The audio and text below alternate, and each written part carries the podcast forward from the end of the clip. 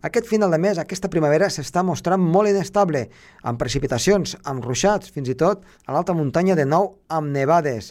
Per tant, tota aquella caloreta que havíem tingut al principi d'abril, res de res. Ha tornat la primavera una mica més dura, una mica més inestable i, sobretot, amb temperatures més baixes. D'això en parlarem al llarg d'avui, però també parlarem dels volcans i, atenció, dels llibres per Sant Jordi.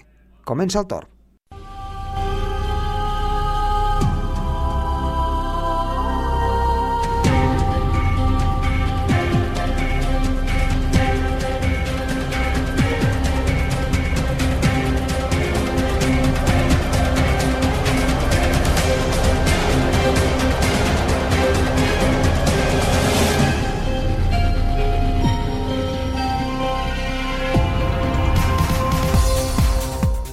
Hola, què tal? Molt bona tarda, moltes gràcies per estar, doncs, eh, ja sigui el cotxe, ja sigui per internet, allà on ens estiguin escoltant, perquè avui el programa, com dèiem, parla de volcans, parla també de llibres de Sant Jordi, llibres doncs, que parlaran, evidentment, de meteorologia, i ens ho portarà tot seguit en Roger Soler. Avui farem doncs, una mica més extens aquesta entrevista que normalment tenim en Roger Soler i ens parlarà de totes aquestes novetats. I com sempre també, al final farem una mica de predicció meteorològica per l'alta muntanya.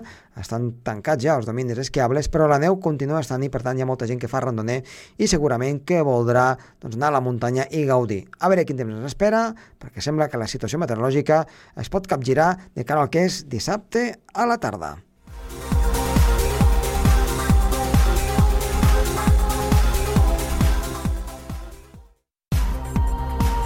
El torn amb Josep Tomàs.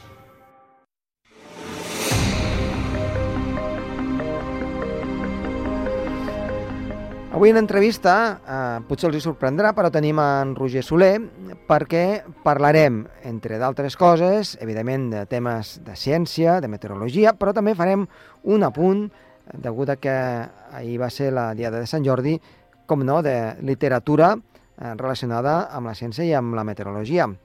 Roger, bona tarda. Bona tarda, Josep. Doncs eh, primer anem a parlar una mica del que ens portes eh, cada setmana sobre ciència i meteorologia. De què es vols parlar aquesta setmana? Doncs sí, aquesta setmana parlareu, parlarem de la, de la causa de la variabilitat natural del clima, que és el cas de Yellowstone. Anem a posar en context perquè han arribat informacions en agències i en els mitjans d'informació que tenim uh -huh. en referència a investigacions que s'estan duent a terme sobre aquest supervolcà, explicarem una mica a quina diferència hi ha entre un supervolcà i un volcà normal. Comencem, si et sembla. Abans de començar, eh, no sé si tu comentaràs, però no sé si vas veure unes imatges a YouTube d'uns bisons que sortien en estampida pràcticament per, la, per una carretereta que creua el parc, que deien que era deguda a moviments telúrics i que s'havien espantat i sortien en estampida. No sé si era un fake, si era veritat, si era mentida... Doncs sí, sí, sí que vaig veure aquest YouTube, sí, relacionat amb això del Parc Nacional aquest de Yellowstone, oi? Uh -huh. eh, si més no, a veure, no, no vol dir res, però és, mm, ja que avui doncs, parles d'això, res, et volia fer doncs, només aquest apunt com a, com a curiositat, de, a més a més, doncs, tota la fauna i també, evidentment, la flora que es troba en aquesta regió natural dels Estats Units. Som-hi, som-hi, doncs, Roger. comencem. El volcà del, de Yellowstone és un dels més importants del món, ubicat a la regió de Wyoming, als Estats Units. Porta 73.000 anys adormit, tot i que segueix actiu. Investigacions apunten que si entrés en erupció, les conseqüències, Josep, serien catastròfiques.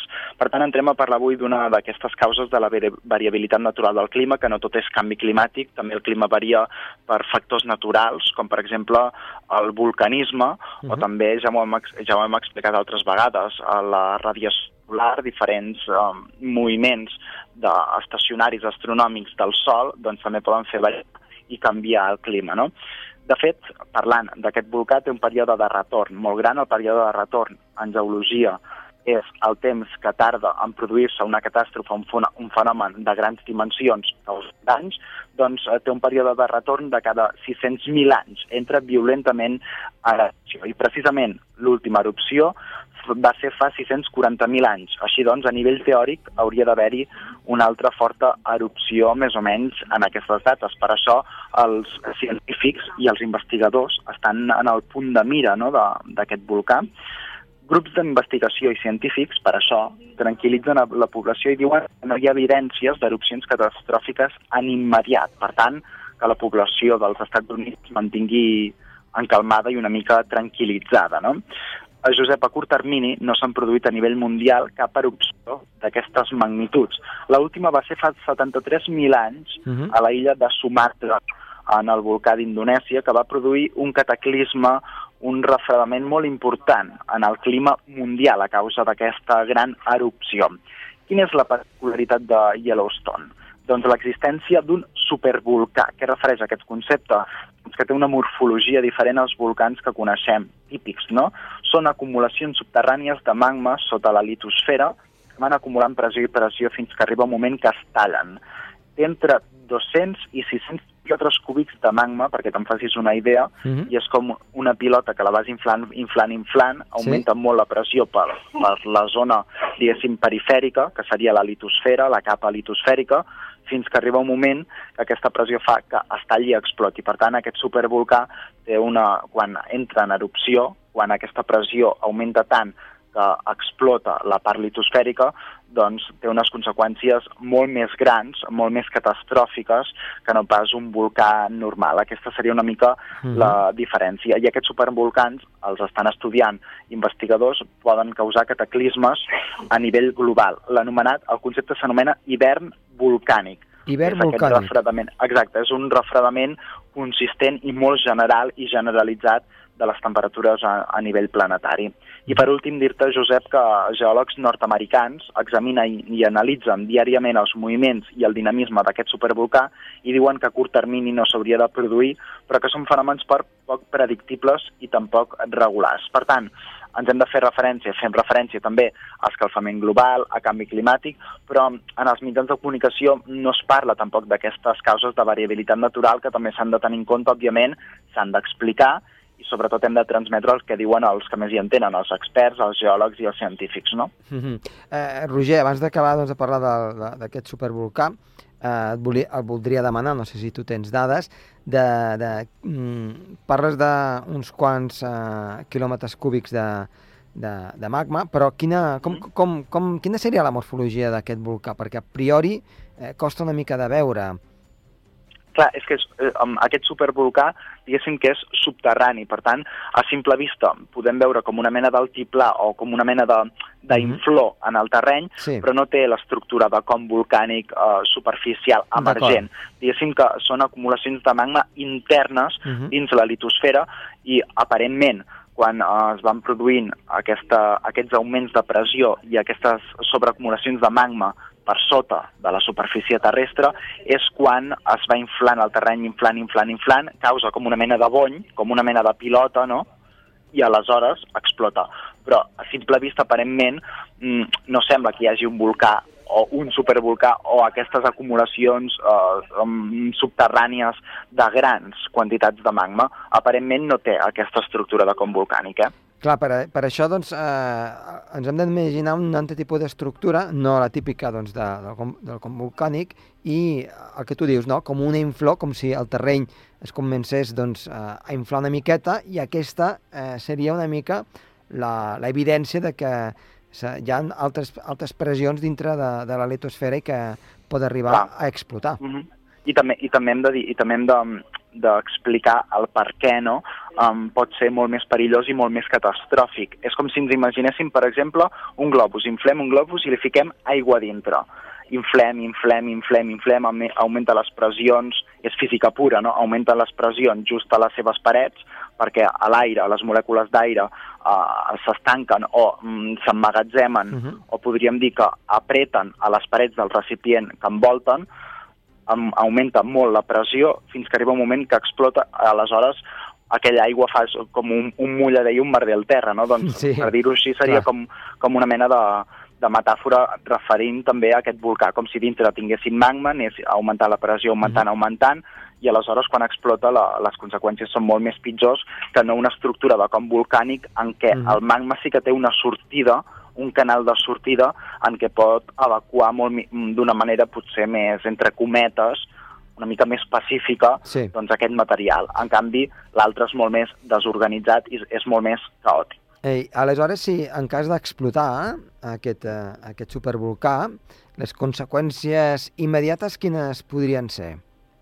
Les conseqüències immediates, per una banda, segons m'he informat en, en aquestes fonts de les agències d'informació que han tret aquesta causa de variabilitat natural del cas de Yellowstone, les conseqüències podrien ser a curt termini, evidentment, amb columnes de fum i de cendra que um, s'extendrien per l'atmosfera de bona part del centre i del nord dels Estats Units, evacuacions de milers i fins i tot milions de persones que envolten aquesta zona, seria una vulnerabilitat molt, molt elevada uh -huh. en aquest sector, i una mica més a llarg termini, òbviament, descens, refredament important de les temperatures, i evidentment també, eh, també aquesta, aquesta lava doncs, podria afectar poblacions de milers o centenars de milers de quilòmetres del, del voltant, no? Uh -huh. Perquè pensem que pensem que aquestes acumulacions de lava que tinguin eh, entre 200 i 600 quilòmetres cúbics és que, òbviament, ocupa, podríem dir que, que és com si fos un supervolcà que ocupés tot Catalunya, o més, fins i tot. Uh -huh.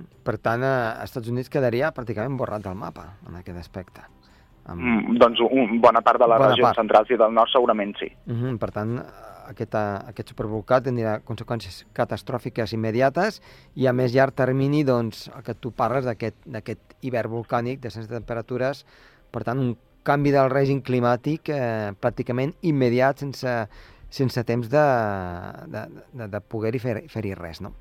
I tant, i tant, i tant. Uh -huh. eh, Roger, doncs mira, no marxis perquè no sé si tens encara algun altre punt sobre el supervolcà, però si no, eh, anem a parlar una mica de literatura, com dèiem abans, fent referència al que parlàvem sobre la Diada de Sant Jordi.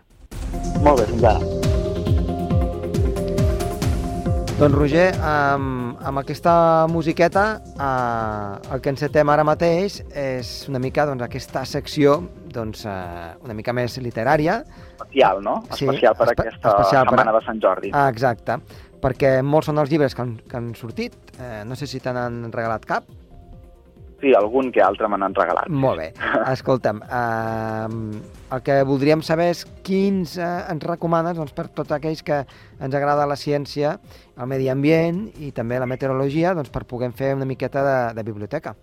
Doncs mira, em faré uh, dues recomanacions, un parell. Una relacionada amb un tema més mediambiental sostenible, però que és com una mica... Um, és una temàtica una mica diferent al, a la sostenibilitat o els llibres de medi ambient eh, més tradicionals o més convencionals. Ara un mateix ho explico. I l'altre seria un llibre purament meteorològic, ja que aquesta secció també tractem meteorologia, no? Uh -huh. I sembla comencem pel llibre Medi Ambient. Molt bé. És una mica més una mica més poc convencional o una mica més alternatiu, eh? D'acord.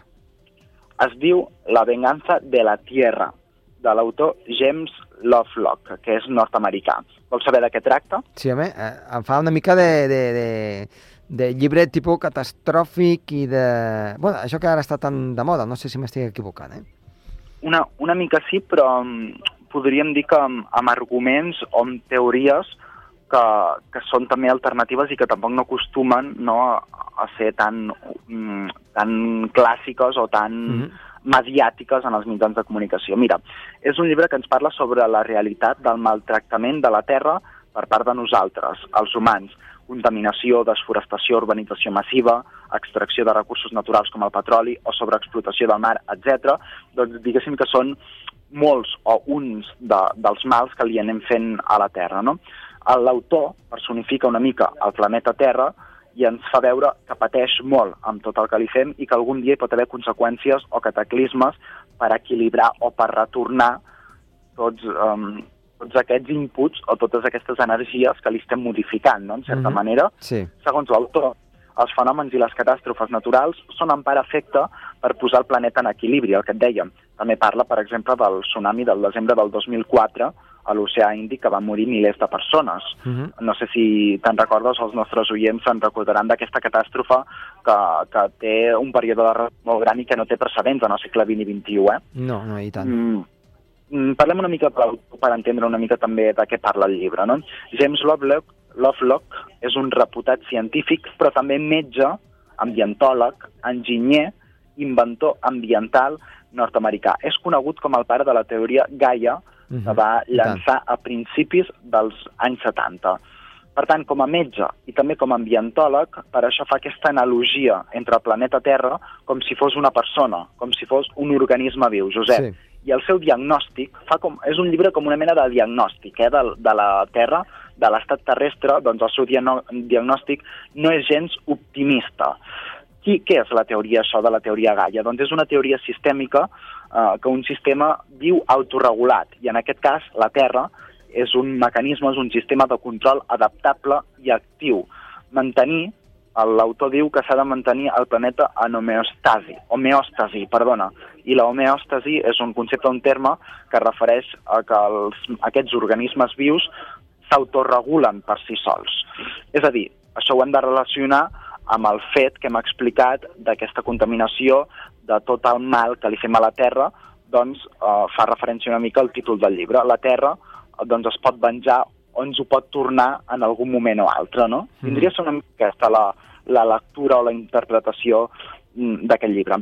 Aquesta teoria Gaia, Josep, és una teoria molt avançada per l'època, ja que als anys 70 no es creien aquestes interaccions i feedbacks, retroalimentacions de la Mhm, Terra. entenc. En el pensament científic d'aleshores, que no era tan desenvolupat, òbviament, doncs es feia difícil creure que tot està connectat i que una petita modificació en algun fet o fenomen pot canviar exponencialment un altre esdeveniment a, a nivell planetari, com la teoria de la papallona, no? que si mous la, si una papallona aleteja les ales en un lloc del planeta pot causar un tornado en un altre. Uh -huh. Okay, això ho parlarem, ho, ho, ho explicarem un dia, però és una teoria, la teoria del, de la papallona, no es diu, si no recordo malament? Sí, sí, i tant, i tant que sí. Eh, conegu- coneguda per, per tots els meteoròlegs, eh, evidentment. Eh, amb això que, que estàs dient, eh, per fer una analogia també, és com si eh, tu un dia et refredes i, i, el teu organisme, per combatre doncs, el, el, el virus de, del Mhm. refredat, doncs agafes febre, no?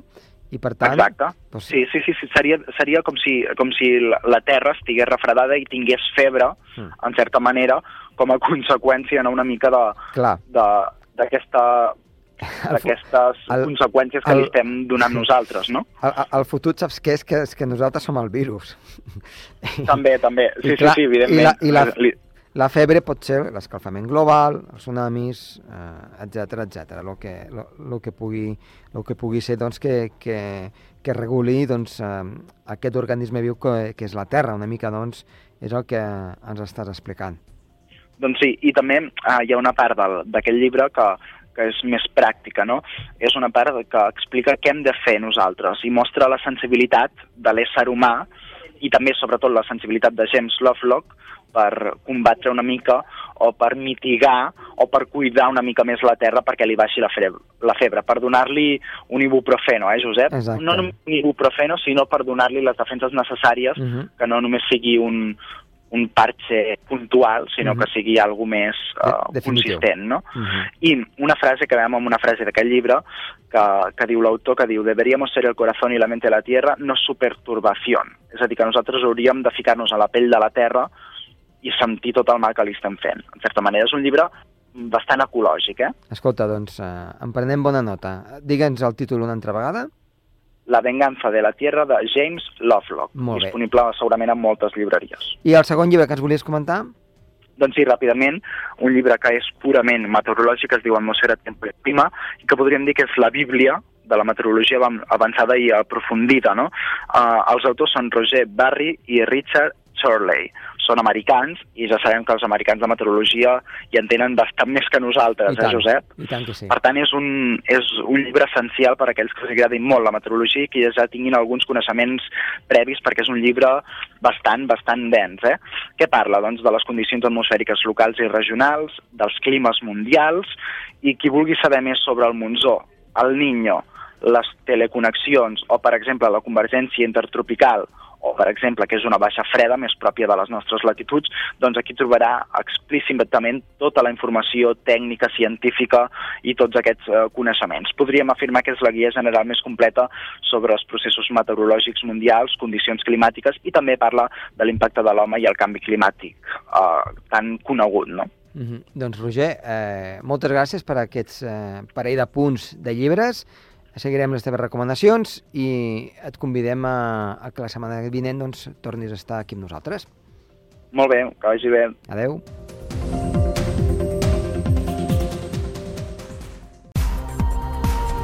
El Torn, amb Josep Tomàs.